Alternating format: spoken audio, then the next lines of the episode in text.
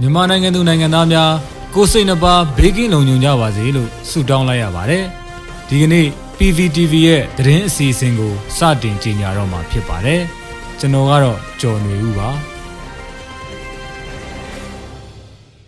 အခုပထမဆုံးအနေနဲ့တင်ဆက်ပေးခြင်းတဲ့သတင်းကတော့အင်းစိန်ထောင်အတွင်းဆန္ဒပြကြတာဟာထောင်အတွင်း COVID-19 ရောဂါကူးစက်ပြန့်ပွားမှုများပြားနေတဲ့အပေါ်မှာအကြမ်းဖက်စစ်ကောင်စီရဲ့ထိရောက်တဲ့ကာကွယ်ထိန်းချုပ်မှုနဲ့ ကုသမှုတွေဆောင်ရွက်မပေးနိုင်တာအပြင်အကျဉ်းထောင်အတွင်းကအမျိုးမျိုးသောဖိနှိပ်မှုတွေကြောင့်လို့အမျိုးသားညီညွတ်ရေးအစိုးရ NUG ရဲ့ပြည်ထရေးနဲ့လူဝင်မှုကြီးကြပ်ရေးဝန်ကြီးဌာနကဖော်ပြရေးသားလိုက်တဲ့သတင်းကိုတင်ဆက်ပေးမှာဖြစ်ပါတယ်။မြို့သားညီညွတ်ရေးအစိုးရ NUG ရဲ့ပြည်ထရေးနဲ့လူဝင်မှုကြီးကြပ်ရေးဝန်ကြီးဌာနရဲ့မနေ့ကထုတ်ပြန်ခဲ့တဲ့ကြေညာချက်ထဲမှာအခုလိုရေးသားခဲ့တာပါ။အကျဉ်းထောင်တွေကအကျဉ်းသားတွေရဲ့အသက်ရှင်သန်ခွင့်အတွက်လူအခွင့်အရေးနဲ့အညီစေကူတာခွင့်ရရှိဖို့အကြမ်းဖက်ဖိနှိပ်မှုတွေကိုချက်ချင်းရပ်တန့်ပေးဖို့ ဖိနှိပ်မှုတွေနဲ့ပတ်သက်ပြီးသက်ဆိုင်သူတွေတာဝန်ယူရမယ်လို့ထုတ်ပြန်ကြေညာသွားခဲ့တာပါ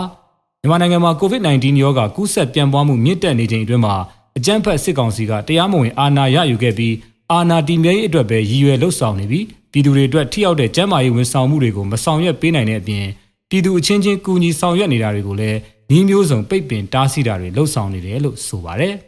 ။ဒါ့အပြင်အင်းစိန်ထောင်အတွင်းမှာပါ COVID-19 ရောဂါကူးစက်ပြန့်ပွားမှုမြင့်တက်နေပြီး အခြေအနေဆိုးရွားနေတဲ့အပေါ်မှာအကြမ်းဖက်စစ်ကောင်စီကထိရောက်တဲ့ကာကွယ်ထိန်းချုပ်မှုနဲ့ကုသမှုတွေဆောင်ရွက်မပေးတာအကျဉ်းထောင်အတွင်းဖိနှိပ်ချုပ်ချယ်မှုတွေအမျိုးမျိုးကိုလုပ်နေတဲ့အတွက်ဇူလိုင်လ23ရက်နေ့မနက်ကအင်းစိန်ထောင်အတွင်းမှာဖမ်းဆီးထိန်းသိမ်းခံထားရတဲ့အကျဉ်းသားအကျဉ်းသူအချုပ်သားအချုပ်သူတွေကငြိမ်းချမ်းစွာဆန္ဒဖော်ထုတ်ခဲ့ကြတယ်လို့ရေးသားထားပါတယ်။အဲ့ဒီဆန္ဒဖော်ထုတ်ခဲ့မှုအပေါ်မှာအကြမ်းဖက်စစ်ကောင်စီကစစ်တပ်အင်အားသုံးပြီးထောင်အတွင်းဝင်ရောက်နှိမ်နင်းခဲ့ပြီးဒီဖြစ်စဉ်မှာပါဝင်ခဲ့တဲ့သူတွေကိုလူမဆန်တဲ့ညှဉ်းပန်းနှိပ်စက်မှုတွေ တက်ဖြတ်မှုတွေလှုပ်ဆောင်နေရရှိတယ်လို့ထိတ်လန့်တုန်လှုပ်ဖွယ်သတင်းတွေကိုကြားနေရတယ်လို့ဆိုပါတယ်။အခုလိုအကျဉ်းကျသူတွေအတွက်လုံလောက်တဲ့ကျန်းမာရေးဆောင်ရှောက်မှုအစီအမံတွေဆောင်ရွက်မပေးတာမိသားစုဝင်တွေနဲ့အဆက်အသွယ်ဖြတ်တောက်ထားတာအင်အားသုံးနှိမ်နင်းတာဒူမဆန်စွာညှဉ်းပန်းနှိပ်စက်တာတက်ဖြတ်နေတာတွေအပေါ်မှာသတင်းမီဒီယာသမားတွေနဲ့နိုင်ငံတကာအဖွဲ့အစည်းတွေကိုလေ့လာခွင့်မပေးဘဲသတင်းထိန်ချန်နေတာဟာအလွန်ဆိုးရွားတဲ့လူအခွင့်အရေးချိုးဖောက်မှုဖြစ်တဲ့အပြင်ရာဇဝတ်မှုမြောက်တဲ့လုပ်ငန်းဖြစ်တဲ့အတွက်ဒီလုပ်ရက်တွေနဲ့နောက်ဆက်တွဲဆိုးကျိုးတွေကို အာဏာသိမ်းအကြမ်းဖက်စစ်ကောင်စီနဲ့အကျဉ်းထောင်တာဝန်ရှိသူတွေမှာအပြည့်အဝတာဝန်ရှိပြီးတာဝန်ယူရမယ်လို့ရေးသားထားပါတယ်။အကျဉ်းထောင်တာဝန်ရှိသူတွေအနေနဲ့အကျဉ်းသားအကျဉ်းသူအချုပ်သားအချုပ်သူတွေရဲ့အခြေခံလူအခွင့်အရေးတွေဖြစ်တဲ့လုံလောက်တဲ့စေကူတာခွင့်လူဂုံတိတ်ခါနဲ့အညီနေထိုင်ခွင့်လွတ်လပ်ရှင်တန်ခွင့်တွေကိုအမြန်ဆုံးထိရောက်စွာကာကွယ်ပေးဖို့လိုအပ်တယ်လို့ဆိုပါတယ်။ဒါအပြင်ဒီဖြစ်ရတဲ့ပတ်သက်ပြီးသတင်းအချက်အလက်တက်တဲ့အထောက်အထားတွေရှိရင်လည်းအမျိုးသားညီညွတ်ရေးအစိုးရပြည်ထရေးနဲ့လူဝင်မှုကြီးကြပ်ရေးဝန်ကြီးဌာနရဲ့ mohai.nugmyanmar.org ကိုဆက်သွယ်ပေးပို့သွားဖို့ကိုလည်းတိုက်တွန်းထားပါတယ်။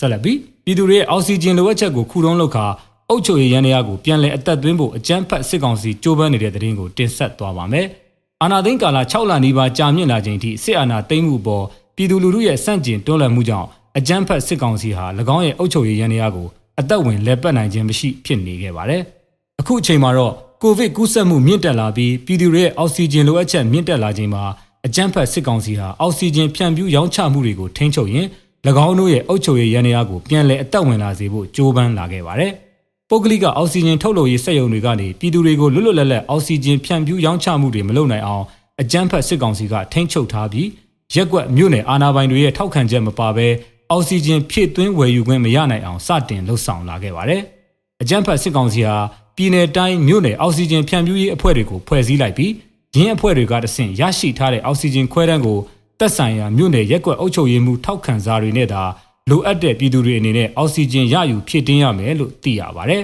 ။ဒါ့အပြင်ပုဂ္ဂလိကအောက်ဆီဂျင်စက်ရုံတွေကိုလည်းစင်းရုံတွေနဲ့စစ်ကောင်စီတပ်တွေကလွဲပြီးပြည်သူတွေကိုဖြန့်ဝေခြင်းမပြုကြဖို့ထပ်မံပိတ်ပင်တားဆီးလိုက်ပါတယ်။အခုကဘာဖြစ်သွားလဲဆိုတော့ သူတို့ကအောက်ဆီဂျင်ဖြန့်ဖြူးရေးအဖွဲ့တွေဆိုတာဖွဲ့တယ်။အုပ်ကြီးတွေပါတယ်။ရရကတွေရောသူတို့နဲ့အဆင်ပြေတဲ့ပရိုက်တာအဖွဲ့တွေပါတယ်။အဲ့ဒီအဖွဲ့တွေကနေပြီးတော့မြို့နယ်အလိုက်ရက်ကွက်အလိုက်အောက်ဆီဂျင်ဖြန့်မယ်ပေါ့။ထောက်ခံစာလိုမယ်။အုပ်ကြီးတွေစီကထောက်ခံစာကအရေးပါဆုံးဖြစ်လာတယ်။ကျွန်တော်အမြင်တော့သူတို့ရဲ့ရက်နေတဲ့အုပ်ချုပ်ရေးရန်နေရာကိုအောက်ဆီဂျင်အကြောင်းပြပြီးလဲပတ်အောင်လူတွေလက်ခံလာအောင်လုပ်တယ်လို့ပဲနားလည်ပါတယ်လို့ရန်ကုန်အခြေစိုက်ပရိုက်တာအဖွဲ့တစ်ခုမှတာဝန်ရှိသူတူကပြောဆိုကြောင်း ရန်ကုန်ခေတ်သစ်သတင်းမှာဖော်ပြထားတာတွေ့ရပါတယ်။ပြီးခဲ့တဲ့ရက်ပိုင်းတွင်းကစပြီး Pride အောက်ဆီဂျင်ဖြန့်ဖြူးရေးအဖွဲ့တွေအောက်ဆီဂျင်ထုတ်ရောင်းစက်ရုံတွေကိုသက်ဆိုင်ရာမြို့နယ်အကြမ်းဖက်စစ်ကောင်စီအာဏာပိုင်တွေနဲ့ပူးပေါင်းဆောင်ရွက်ပြီးဖြန့်ဖြူးရောင်းချဖို့နဲ့ပြည်သူတွေကိုတိုက်ရိုက်ရောင်းချခြင်းမပြုဖို့အကြမ်းဖက်စစ်ကောင်စီတပ်တွေရဲတွေနဲ့ထွေးအုပ်တွေပါဝင်တဲ့ပူးပေါင်းအဖွဲ့ကလိုက်လံပိတ်ပင်တားဆီးနေကြတာတွေ့ရပါတယ်။စစ်ကောင်စီဟာပြည်သူတွေရဲ့အောက်ဆီဂျင်လိုအပ်ချက်ကိုခုတုံးလုပ်ပြီးသူတို့အာဏာတည်မြဲရေးအတွက်လှုံ့ဆော်နေတာပဲ။ သူတို့အာဏာတည်မြဲရေးကိုပြည်သူတွေရဲ့အသက်တွေထက်ကိုပိုပြီးတန်ဖိုးထားနေတဲ့သဘောပါပဲ။ဘာမှကိုမပြောချင်တော့ပါဘူးဗျာ။ဒီစစ်အာဏာရှင်တွေရှိနေသမျှတော့ပြည်သူတွေဘဝတွေကဘယ်တော့မှအေးချမ်းမှာမဟုတ်ပါဘူးလို့တောင်တကုံကအောက်ဆီဂျင်ရှာဖွေနေတဲ့ပြည်သူတအူးကပြောဆိုခဲ့ပါတယ်။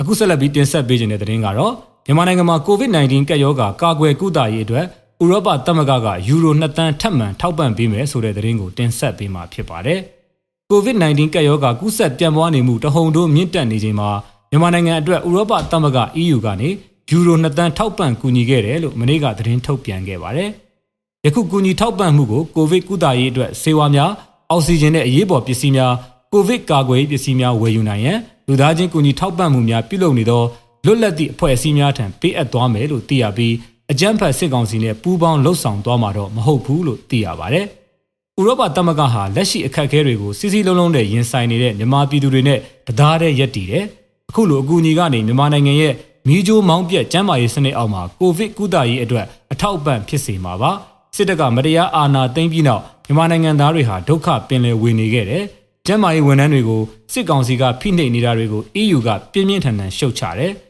စစ်ကောင်စီအနေနဲ့နိုင်ငံတကာလူသားချင်းစာနာမှုဥပဒေကိုလေးစားလိုက်နာပြီးကျန်းမာရေးဝန်ထမ်းတွေကိုအကာအကွယ်ပေးဖို့တောင်းဆိုတယ်လို့ဥရောပသမဂ္ဂရဲ့ပြိပခစီမံခန့်ခွဲရေးမဟာမင်းကြီးဂျန်နာလနာချစ်ကပြောဆိုခဲ့ပါတယ်။ယခုထောက်ပံ့တဲ့ယူရို2တန်းအပါအဝင်2021ခုနှစ်တွင်မှာဥရောပသမဂ္ဂကနေမြန်မာနိုင်ငံသို့ယူရို20.5တန်းထောက်ပံ့ကူညီထားပြီးဖြစ်တယ်လို့သတင်းထုတ်ပြန်ထားပါတယ်ခင်ဗျာ။ရေတော်ဘုံအောင်ရမည်